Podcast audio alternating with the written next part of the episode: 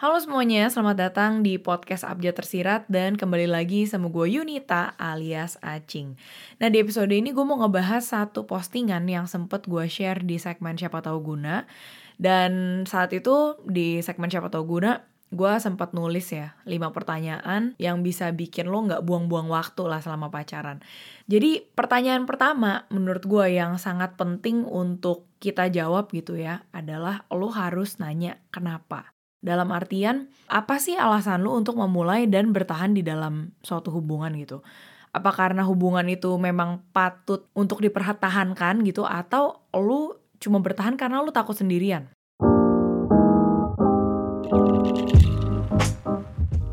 Sebenarnya nggak ada salah nggak ada bener ya, tapi selain lu tahu alasan untuk memulai, lu juga harus tahu uh, in the middle of your relationship lu pasti tahu juga kenapa gue bertahan di hubungan ini gitu di dalam pengalaman gue pribadi setiap tahunnya atau setiap fasenya itu tuh alasannya selalu berbeda-beda Nah gue pakai contoh gini deh, misalnya waktu gue pacaran pertama kali gitu ya di zaman SMA, apa sih alasan gue untuk memulai?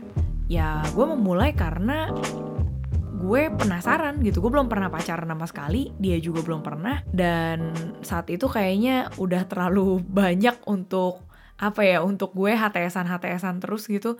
Jadi akhirnya gue belajar untuk bisa berkomitmen. Sedangkan untuk hubungan yang kedua gitu ya yang akhirnya si pacar ini jadi suami gue gitu. Alasan gue memulai di tahun-tahun pertama ya satu gue kayaknya memang harus membuka hati ya untuk orang yang baru gitu. Jadi gue nggak bisa cuma kayak nungguin untuk move on dan segala macem. Mau dibilang pelarian ya mungkin campuran dari pelarian. Tapi gue juga sayang sama orangnya. Tapi gue juga berasa kayak wah ini fase pacaran yang berbeda banget nih. Maksudnya gue memang masih kecil di saat itu tapi gue udah ada di Australia. Jadi kayaknya pacarannya nggak bisa deh yang cuma hahehe nggak jelas gitu kan Uh, kenapa gue bilang begitu? Karena gue nggak mau nanti gue stay di salah satu tempat, entah itu di Australia atau di Indonesia, dengan alasan yang salah gitu. Atau gue nggak mau berada sama orang yang atau hubungan yang salah cuma gara-gara gue mau dapet visa tinggal di Australia gitu ya. At least itu buat gue gitu. Akhirnya ya udah tahun pertama seperti itu dan di tahun kedua alasan memulainya masih sama, tapi alasan bertahannya itu jadi mulai shifted gitu. Gue sama Albert di saat itu udah ada omongan gitu ya bahwa oke okay, ini kita pacaran mau kasih deadline atau gimana nih karena deadline bukan buat nikah ya tapi maksudnya deadline untuk ngecek kita udah ada progres atau belum gitu untuk dilanjutin ke hal yang lebih serius. Nah akhirnya kita berdua sepakat bahwa ya udah kita kasih deadline 2 tahun, kita lihat apakah kita bisa cari solusi dari semua perbedaan kita dan segala macamnya kalau misalnya akhirnya udah kepentok udah deh kayaknya udahan gitu. Dan saat kita di tahun ketiga tahun keempat tahun kelima ya alasan untuk bertahannya juga berbeda-beda gitu ya sampai akhirnya kita menikah. Nah the point is menurut gue kenapa lu harus tanya kenapa? Karena kalau lu nggak tahu why you're doing something itu akan sangat mudah untuk lu berasa lost gitu. Untuk lu berasa kayak ini gue ngapain sih? gitu. Nggak usah deh pacaran lu sekolah, lu kerja, lu ngelakuin hal apa pun aja yang sehari-hari, kalau lu nggak tahu kenapanya tuh apa, pasti lu akan lebih mudah untuk selalu questioning yourself dan ujung-ujungnya menyerah. Nah, itu tadi pertanyaan yang pertama. Sekarang kalau di pertanyaan yang kedua, gue ngebahas soal tujuan. Apakah lu udah tahu jelas hubungan ini akan menuju ke arah mana dan kalaupun udah tahu, apakah lu udah bahas hal ini ke pasangan gitu. Dan kalau misalnya pun lu punya tujuan yang berbeda, udah tahu belum win-win solutionnya tuh akan seperti apa. Nah ngomongin tujuan, mungkin secara teori itu kayaknya gampang ya untuk ngomong. Uh, kita harus tahu nih tujuannya ke mana gitu-gitu. Ya cuma kasarnya tujuan hidup gue, gue mau ngapain aja gue kagak tahu gitu. Gimana ini tujuannya ngebawa orang lain kan? Ya jujur aja memang nggak nggak semudah itu. Tapi setidaknya lu dan pasangan udah harus ada obrolan bahwa ini tujuannya ke mana ya? Kalau misalnya kita sama-sama nggak tahu ya kita nggak nggak taunya sampai kapan ya gitu. Jadi setidaknya nih lu harus raise the issue di di dalam hubungan itu bahwa lu sama-sama nggak tahu gitu. Dan setidaknya kan kalau udah ada pertanyaan itu lu jadi mulai berpikir kan daripada sama sekali lu nggak mempertanyakan itu lu berasumsi dan akhirnya uh, judulnya aja nih dari luar lu kelihatannya kayak wah udah lama banget ya awet banget. Tapi sebenarnya dua-duanya kalau ketemu juga cuma ngewe sama makan doang kali gak ngomongin hal-hal yang prinsipal seperti ini. Dan tadi gue udah mention gitu ya kayak kalau lu udah tahu apakah lu udah bahas hal ini ke pasangan? Karena ada beberapa case di mana gue ngeliat yang satu udah tahu jelas nih misalnya mau nikah di dalam waktu uh, dua tahun lah let's say tapi yang satunya lagi itu tuh belum siap gitu. Tapi mereka nggak pernah bener-bener mengucapkan itu secara gamblang dan nggak pernah didiskusiin berdua gitu. Akhirnya yang satu berasa kayak digantungin mungkin ya gitu. Dan yang satunya lagi berasa kayak kok gue kayak dikejar-kejar sih buat nikah? Anjrit banget gitu. Ya itu kan lu jadi ngebuka banyak misunderstanding yang sebetulnya bisa dibahas baik-baik sih kalau menurut gue. Dan saat kita ngomongin tujuan ya seperti yang tadi gue udah ngomong di awal bahwa nggak semua orang atau nggak semua pasangan langsung tahu gitu tujuannya mau ke mana tapi yang paling penting esensinya kenapa kita harus ngomong ini ya kita mesti tahu. Kalaupun kita nggak tahu kita mau ke mana, ya kita tetap bahas itu berdua. Setidaknya ada keterbukaan kan di hubungan itu gitu. Jadi uh, less assumption and then less drama. Nah yang berikutnya adalah soal apakah lu berdua nih punya deadline. Punya deadline tuh dalam artian seperti yang di awal-awal udah sempat gue jelasin gitu ya. Gue sama Albert di awal udah mikir bahwa oke okay, kita uh, let's say ambil waktu 2 tahun lah ya untuk bener-bener ngeliat ini kita mendingan putus atau kita bisa lanjut ke hubungan yang lebih serius gitu ya yang bisa mungkin udah mulai involve keluarga atau udah bisa sounding-sounding ngomongin tunangan dan segala macem gitu. Tapi ya gue nggak tahu nih uh, hubungan lu sama pasangan lu seperti apa gitu. Apakah lu punya deadline juga sama pasangan lu apa gimana? dan mungkin untuk beberapa orang sepertinya kaku gitu tapi tergantung sih gimana gimana perspektif lu melihat sebuah hubungan apalagi hubungan pernikahan gitu kalau di mata gue tuh hubungan tuh kayak ya investasi terbesar di dalam hidup gue sih. Entah itu pertemanan entah itu sama pasangan entah itu sama keluarga entah itu sama diri gue sendiri bahkan. Uh, menurut gue itu semuanya tuh investasi. Dan menurut gue kalau lu memang melihat itu sebuah investasi yang besar ya nggak mungkin dong lu ngebuang-buang waktu dan energi sesembarangan itu gitu. Uh, di mata gue sih dari tiga pertanyaan ini yang so far kita lakuin uh, follow upnya itu adalah di deadline gitu. Setelah lu tahu kenapa dan tujuan.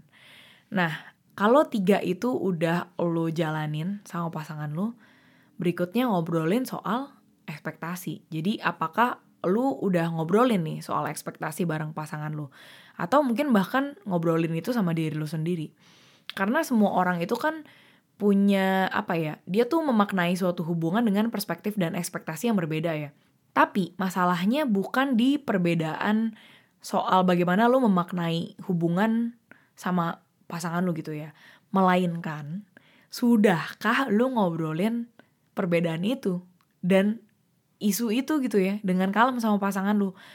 Nah, perspektif dan ekspektasi dalam hubungan ini menurut gue um, banyak banget ragamnya.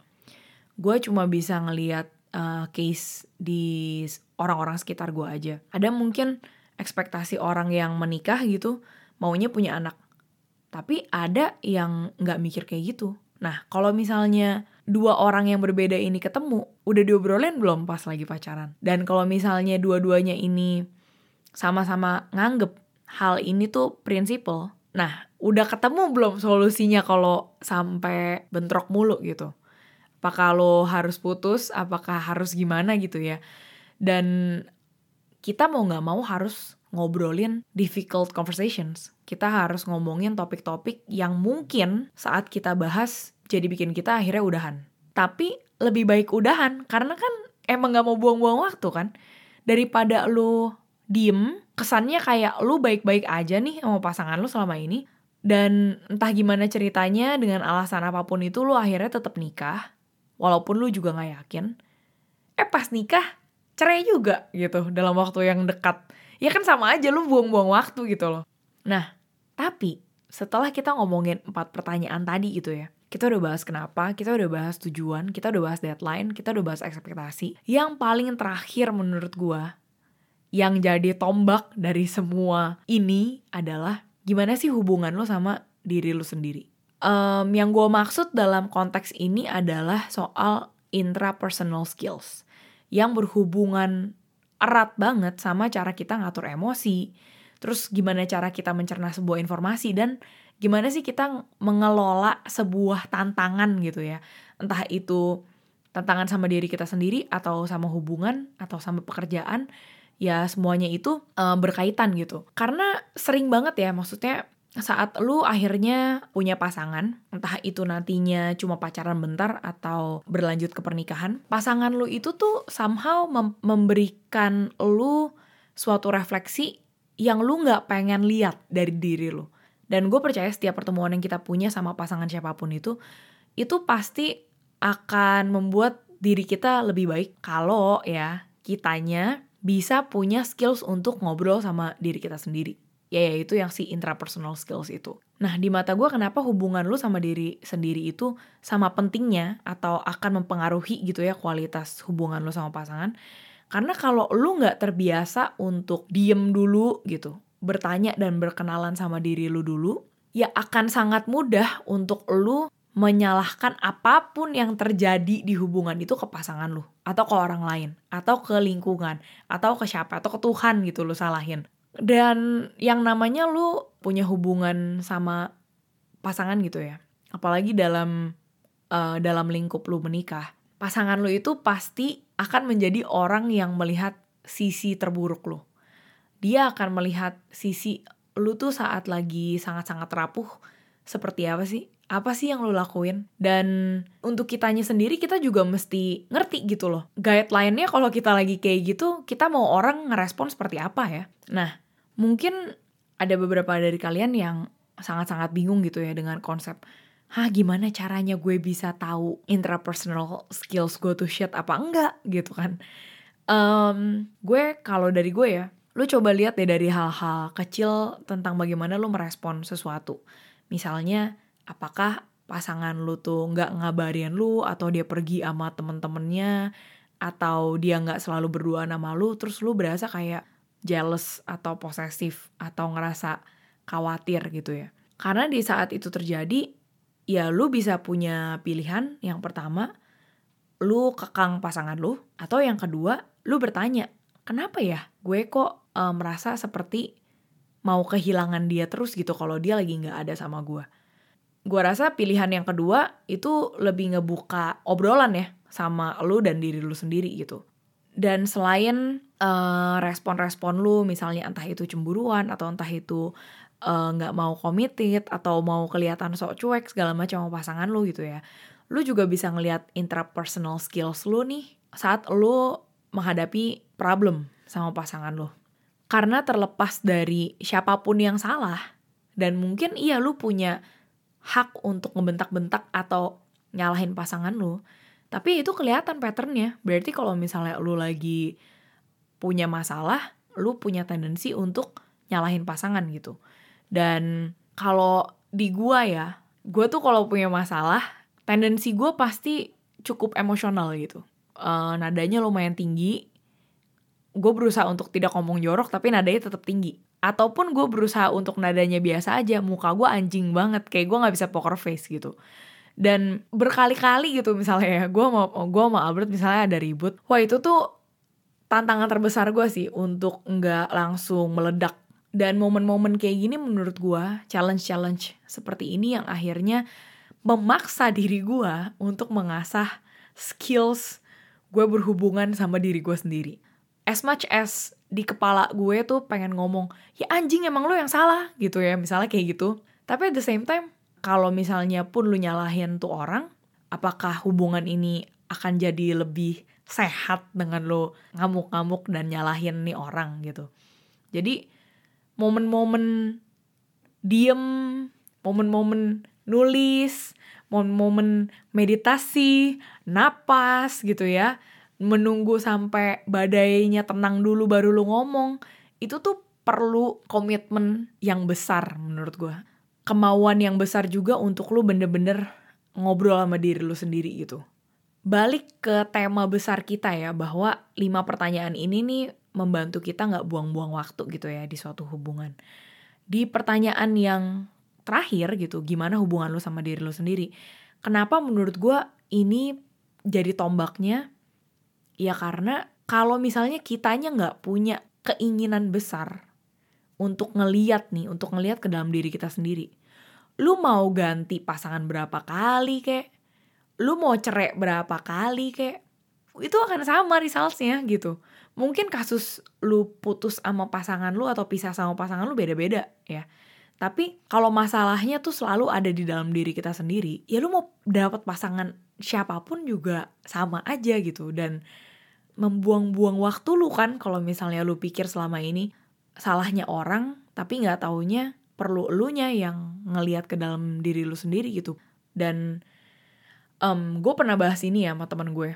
Uh, bahwa kok kenapa ya punya suatu hubungan yang fungsional tuh sesusah ini gitu. Gue kayak kadang-kadang tuh kalau lagi anjing kalau lagi capek banget gitu ya berada di dalam hubungan pernikahan. Capek dalam artian aduh gila. Untuk nyelesain ini baik-baik tuh gue harus ngeliat lagi ke diri gue gitu. Ya tapi memang itu konsekuensinya. Lagi-lagi itu memang konsekuensi yang harus lo ambil kalau lo pengen punya hubungan yang fungsional dan sehat gitu ya dan yang tidak menyakiti orang. Yang paling susah ya sebenarnya lu harus punya hubungan dulu sama diri lu sendiri baru nantinya lu bisa komunikasiin itu ke pasangan lu gitu karena kalau misalnya lu mau punya hubungan yang gampang, yang instan, udah paling gampang mah nyalahin nyalahin orang lah. Kayak nyalahin pasangan lo ya tiap kali ada masalah. Atau kabur aja tiap ada masalah. Atau lu ngalah aja sampai lu goblok gitu kan.